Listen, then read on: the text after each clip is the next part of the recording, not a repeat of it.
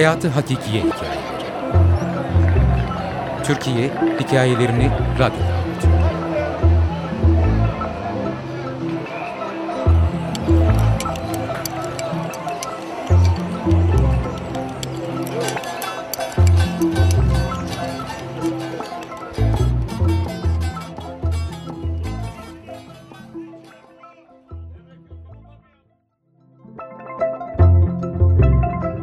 Bekçi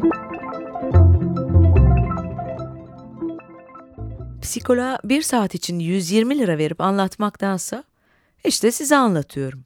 Üstelik bedava. Bu hikaye kız kardeşlerimin zihinlerinde de yer etmiştir elbette. Küçük gaz odaları inşa etmiştir belki belleklerinde. Ben de yıllar önce o odalardan birinde öldüm. Bunları yazan bir makinedir. Anlatacağım olay bir agorafobik haline gelişimin baş nedenidir. En azından ben onu böyle yorumlama eğilimindeyim.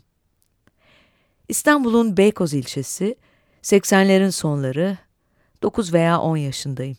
Annem elimi tutmuş, akşamın geç bir saati, önde babam, babamın yanında kız kardeşlerim, akraba ziyaretinden dönüyoruz.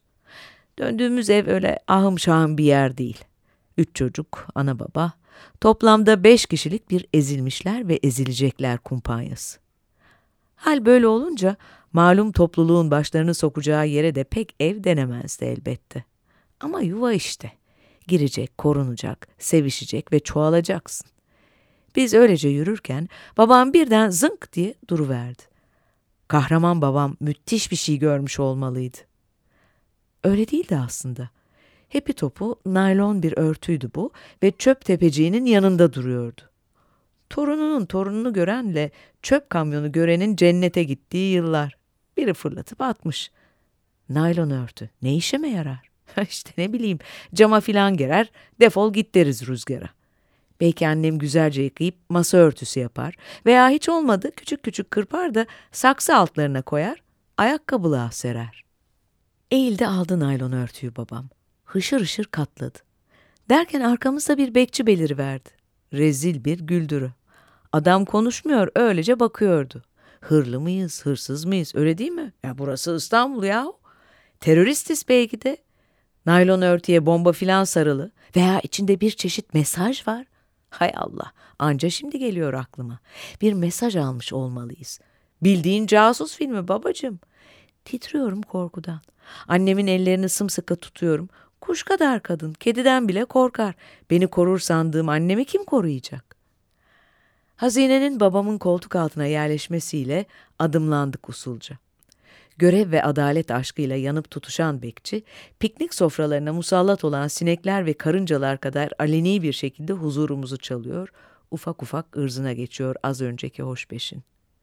Şu koca alemde sanki en kutsal, en yapılası şey, şu adları çıkmış azılı naylon hırsızlarını yakalayıp kanuna teslim etmekmiş. Eğer bizi derdest edip görevini yerine getirirse şöyle parlak mı parlak, yarı grotesk, yarı arabesk bir madalyayı boynuna asacaklarmış gibi kemiriyor ardımızı. Yol değil, sırat köprüsü. Yürüdükçe uzuyor, uzadıkça harlanıyor, çığlıklar atıyor alttaki alev. Bitsin bu yol, evimize girelim. Zaten hiç alınmayacak olan bisikletten bile vazgeçtim. Yeter ki girelim şu eve. Oradan yorganın altına, yorganın altı zaten sihirli bir aleme, uykunun şefkatli, rüyaların ise tatlı dünyasına açılan bir kapıdır. Nihayet evimizin bulunduğu sokağa giriyoruz. Ah bir kapağı atsam şu eve. Ablamın bazı akşamlar gördüğünü iddia ettiği silüeti cama vuran namaz kılan kadın in midir cin midir ne zıkkımsa işte o ve isterse bütün öte dünya, bütün namaz kılan kadınlar, korkunç sesler çıkaran cinler, alev gözlü iblisler oturma odamızı ele geçirmiş olsun. Hatta evimizin gayrimeşru sakinleri minicik fareler bile bu büyülü gecede devleşsin ve bizi yemek için bekliyor olsun. Ben evime gireyim de varsın kıyamet kopsun. Babam toprak yolun bir köşesinde duruyor.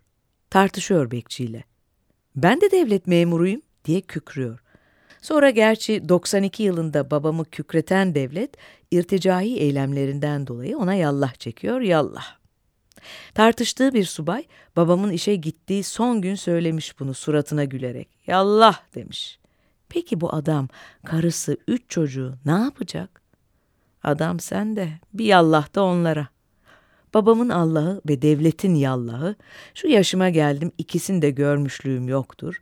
Tam bir filler ve çimen vaziyeti. O esnada sokağa bakan karanlık odalar ışıklanıyor. Ötelerden bir bekçi, ismi İsrafil'dir kesin, öyle olsa şaşırmam. Düdüğünü şoför misali tiz perdeden inletiyor. Köpekler havlamaya başlıyor, hep birden destek veriyorlar babama. Bekçi kibriti çakıp cehenneme yolluyor naylonu. Yapma diyecek oluyor annem. Yuvan yıkılsın diyor onun yerine bekçiye bakarak. Biz, annem, kız kardeşlerim eve giriyoruz. Ev işte, ev. Nah girer bekçi. Ben de nah çıkarım bir daha o evden. Bekçi Yazar Mehmet Fatih Uzuner Editör Serhat Uyurkulak Okuyan Tilbe Saran